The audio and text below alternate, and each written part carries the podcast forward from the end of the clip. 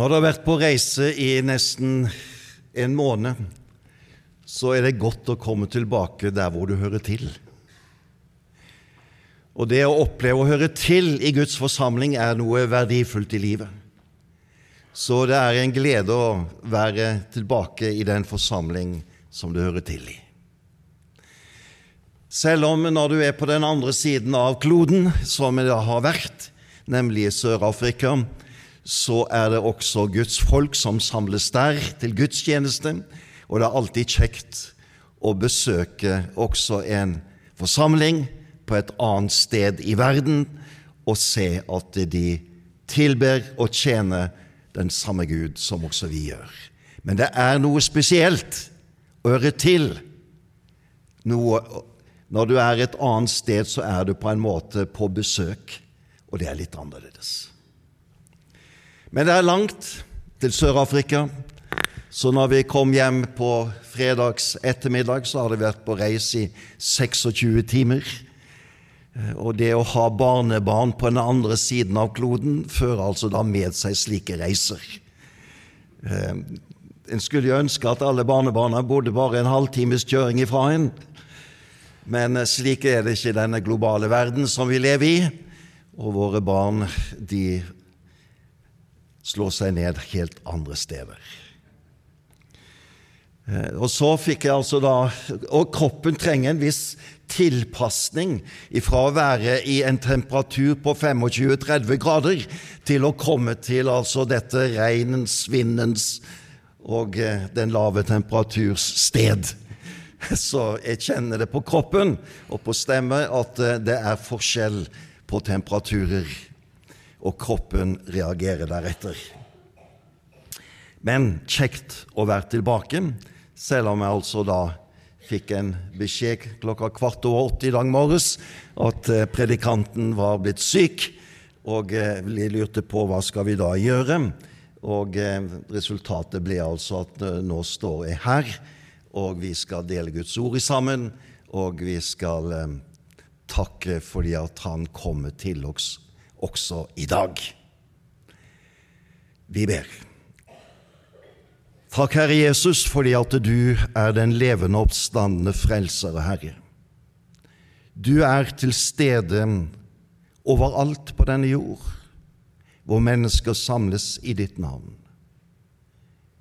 Slik er du i Sør-Afrika, slik er du her.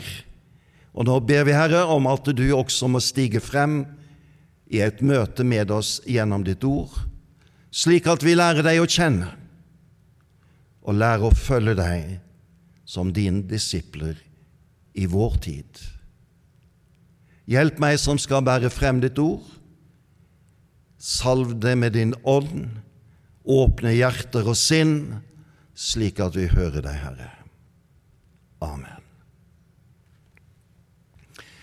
Prekenteksten på denne søndag, som er altså Forklarelsens søndag, er ifra Forklarelsens berg på Tabor, som vi ofte kaller det. Vi reiser oss. Det er ifra Matteus kapittel 17, fra vers 1 til vers 9. Seks dager senere tok Jesus med seg Peter, Jakob og hans bror Johannes og førte dem opp på et høyt fjell, hvor de var alene. Da ble han forvandlet for øynene på dem.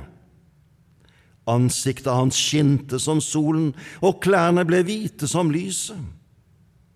Og se, Moses og Elias viste seg for dem og snakket med ham.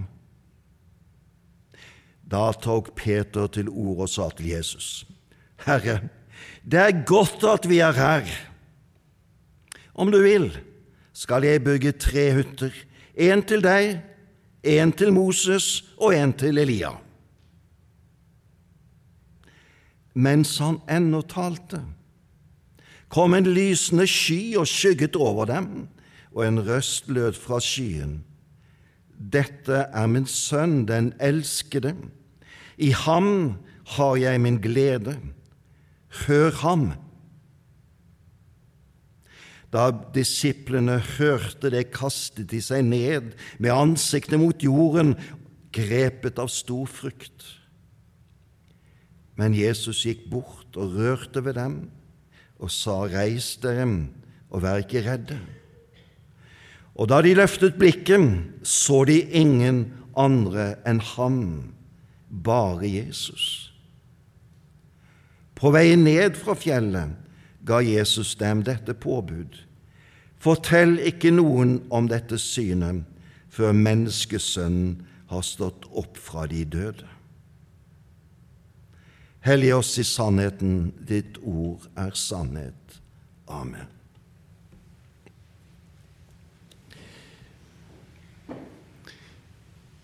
Vi er altså midt mellom jul og påske. Og i denne teksten så stiger vi inn i disiplenes vandring, deres siste reise til Jerusalem.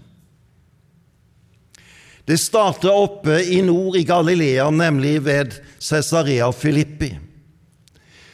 Der har Jesus samlet sine disipler, og så spør han hvem sier folket at menneskesønnen er. Og Det er den anledning at, at Peter bekjenner du er Messias, den levende Guds sønn. Og Jesus sier til Peter at dette har du ikke av deg selv, dette er åpenbart deg av min himmelske Far. Og Når denne bekjennelsen er avlagt, så går Jesus umiddelbart over til å si, Jeg drar til Jerusalem. Der skal jeg bli grepet, tatt til fange. Og jeg kommer til å dø. Men den tredje dagen skal jeg stå opp igjen. Og det er den anledning Peter griper igjen ordet og sier dette må aldri skje. Og Jesus må si 'Vik bak meg, Satan'. Det er starten på denne reisen, som har en rekke begivenheter knyttet til seg. Og så står det i denne innledningen til teksten vi leste, seks dager senere. Senere i forhold til det som ble sagt umiddelbart foran i kapitlet foran her, hvor Jesus sier Deretter sa Jesus til disiplene, om noen vil følge meg, etter meg må han fornekte seg selv og ta sitt kors opp og følge meg. Og fortsette, hva vil det gagne et menneske om det vinner hele verden, men tar skade på sin sjel? Slik starter altså denne reisen, som skal ende slik som da Jesus forbereder sine disipler på det.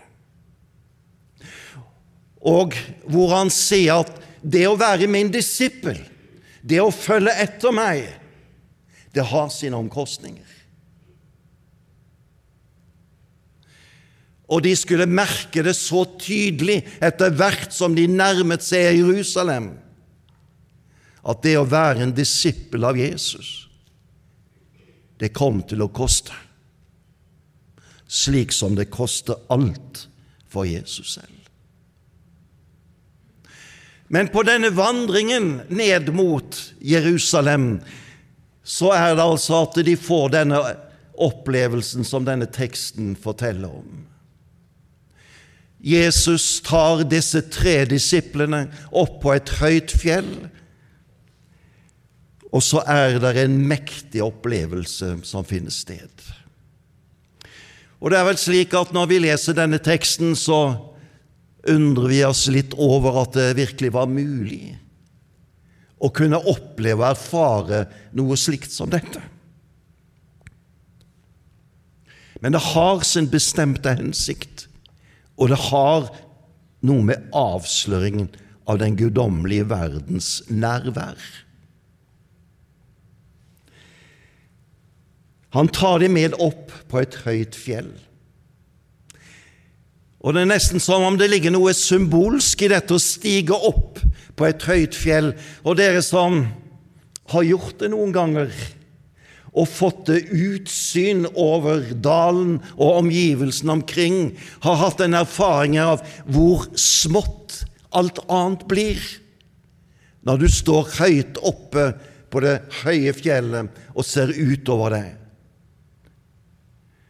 Og Noe av denne erfaring er det på en måte som stiger inn i den åndelige verden i det øyeblikk Jesus tar dem med opp på dette fjellet og gir dem dette utsyn. For det er med på å skape perspektiver på det liv som leves nede i dalen, nede for fjellet. Disiplene var altså innviet i at denne reisen som skulle gjennomføres nede i dalen, den skulle være preget av motstand. Den skulle være en reise som egentlig var en sammenhengende avskjedsreise sammen med Jesus og som blir tøffere og tøffere til nærmere de kommer Jerusalem.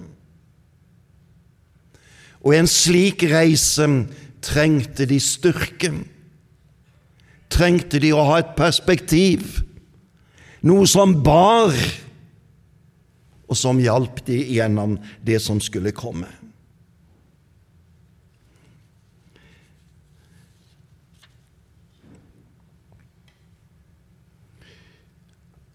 Og når de er der, de tre, så hører vi altså at der skjer noe. Plutselig er det en forvandling som finner sted, og de ser Jesus skinnende. Ansiktet lyser som solen, og klærne er hvite som lyset. Og plutselig stiger altså det frem to personer fra den gamle testamentlige tid, Moses og Elia. De to som det ikke var noen grav etter. For Moses ble borte. Elia ble borte. Og nå plutselig stiger de da, disiplene, i møte ifra den andre siden av verden.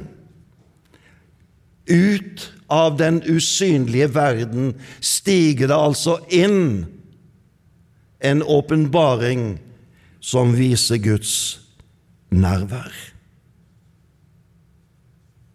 Det er som et slør trekkes til sides, og så ser de at midt der på fjellet er der en virkelighet til stede som er den guddommelige verden.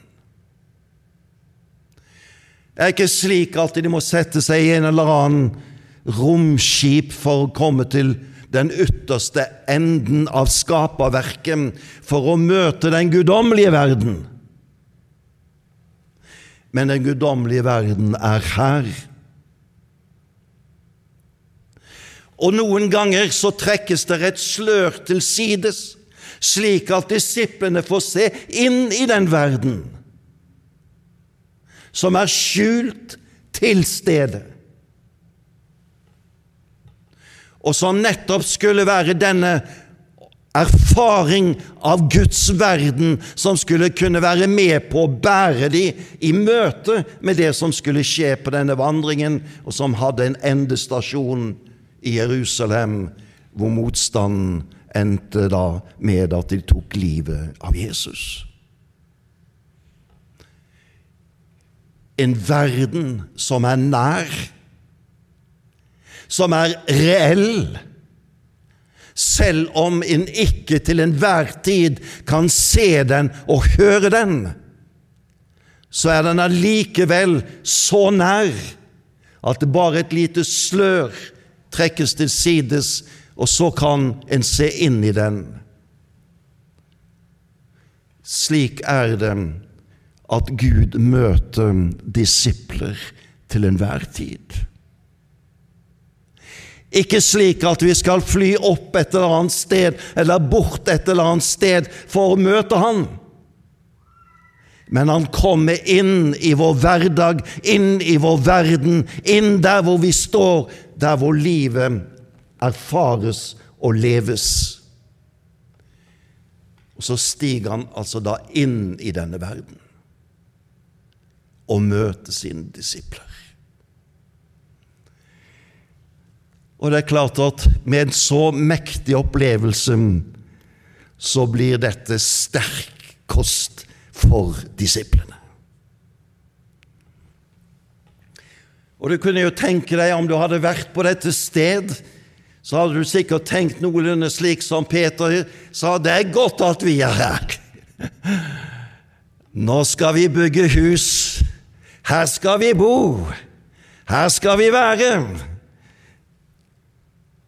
Men i det øyeblikk de sier slike ting, så forvandles situasjonen. For det er ikke her dere skal bo. Dette er en stasjon på vandringen. For å få den blikk, for å få den utrustning, for å få den erfaring som gjør at det som står fremfor, det skal dere kunne møte i stor frimodighet. Derfor legges der et slør over igjen Moses og Elia. De blir borte. Ser de ikke lenger. Men der står en tilbake og der lyder en røst ifra himmelen som forteller hva dette er for noe. Og i denne røstens ord og tale møter vi en presentasjon av Jesus. Dette er min sønn,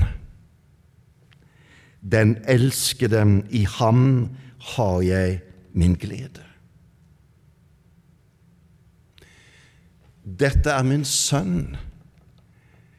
Det er en omskriving av den messiansk tittel, hvor Jesus egentlig da sier til disiplene dette er Messias.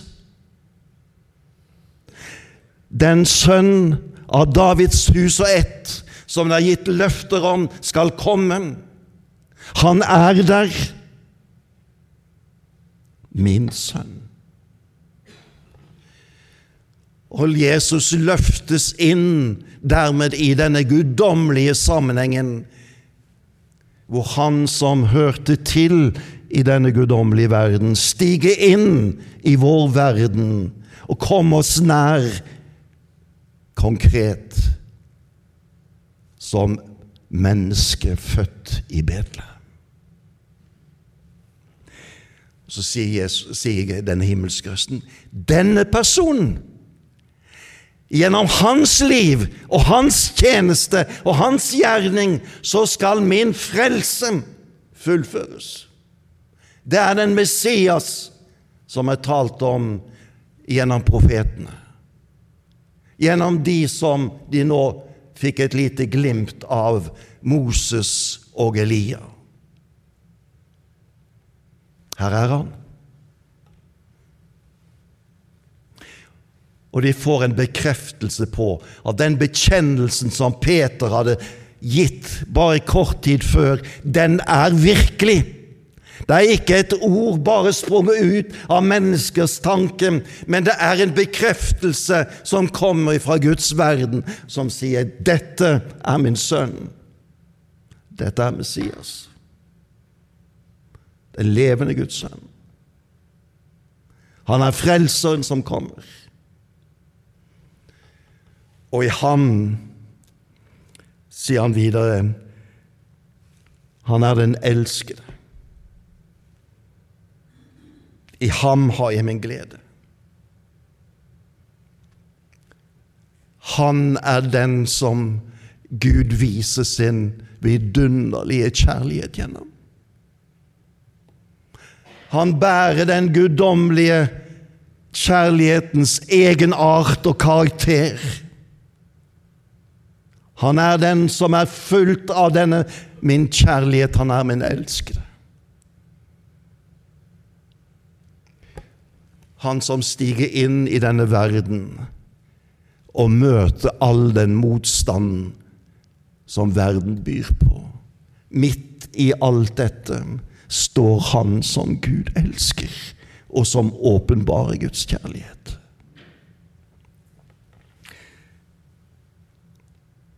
I Ham har jeg min glede. Og så avsluttes denne presentasjonen med å si 'hør ham'. Det er mange ord som lyder. Det er mange røster som roper. Det er mange som skriver og taler. Men i all denne virvar av ord så er det én det er snakk om å høre på. Hør ham. Du og jeg lever i en tid som flyter over av ord. Det er mange som taler i vår tid. Det er mye du hører på. Det er mye som når ditt øre og din tanke. Hva er det som bærer ditt liv? Hva er det disippelen er lært til å høre i sin mesters tale? Hør ham. Det er et uhyre aktuelt budskap også i dag. For hvor lærer du denne stemmen å kjenne? Du lærer han gjennom Guds ord, gjennom Bibelen. Så skal du kunne gjenkjenne denne stemmen i det virvar av røster i tiden så er det nødvendig å kjenne denne stemmen sin karakter og hvilket innhold som denne stemmen er bærer av. For det er det som bærer. Det er det som gir veiledning. Det er det som leder til målet. Det er det som gir deg erfaring av Guds verden.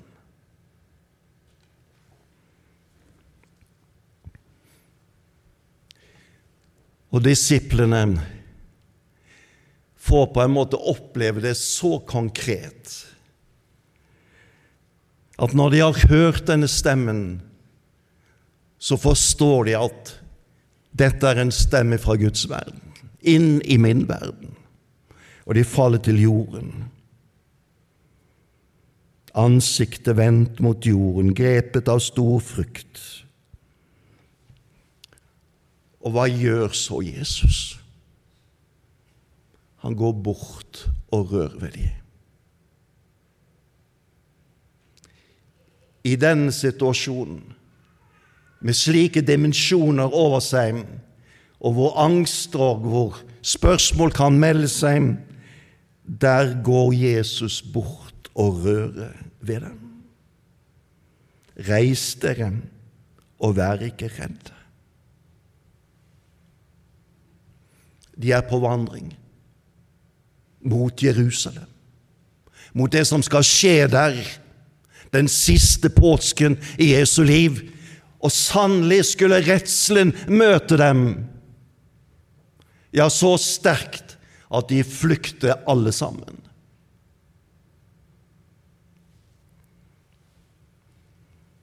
Og så har de da fått en berøring på veien slik at det i sin flukt fremme i Jerusalem skulle det slå inn noen ord ifra ham.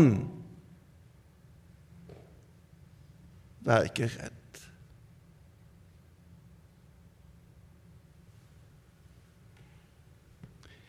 Og så er det som han da etter sin oppstandelse igjen legger sine hender på dem og sier 'frykt ikke'.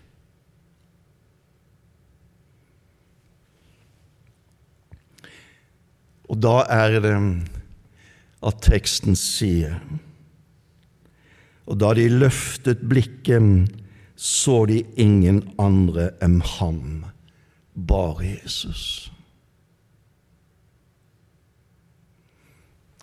Det er som om alle de andre sidene ved denne opplevelsen faller bort. Og så er det som om alt spisser seg inn imot det som står i sentrum av denne tekst, nemlig møtet med Jesus. I møtet mellom den guddommelige verden og den verden som de selv erfarte, som kunne være full av redsel, prøvelse og vanskeligheter.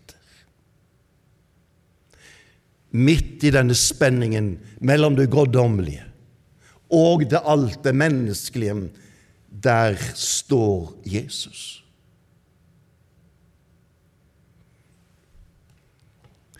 Og Disiplene har på en måte i denne situasjonen, hvor de møtte de fra den gamle pakt som lever, fått et vitnesbyrd om at han som skal dø i Jerusalem, han skal stå opp igjen den tredje dagen. Og han vil leve.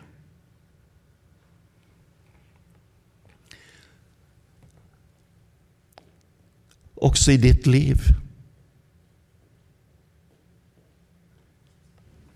Stig han inn i din vandring. Det er ingen av oss som går gjennom dette livet uten prøvelser og vanskeligheter. Men midt i alt som vi erfarer, er det en som vil legge sine hender på oss for å reise oss opp, for at vi skal kunne se og se at det er Han som bærer alt.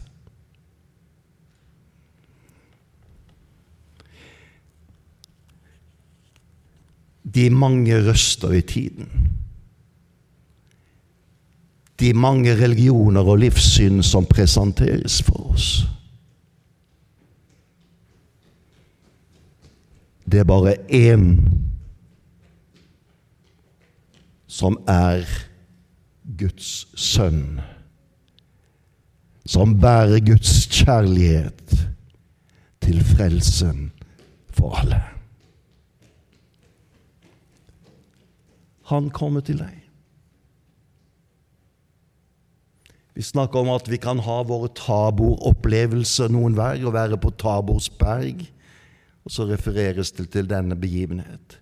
Også i våre liv er det situasjoner hvor han stiger så nær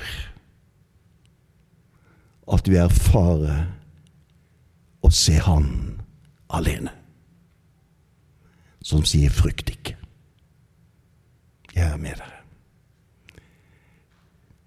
Herre Jesus, takk fordi at du lever.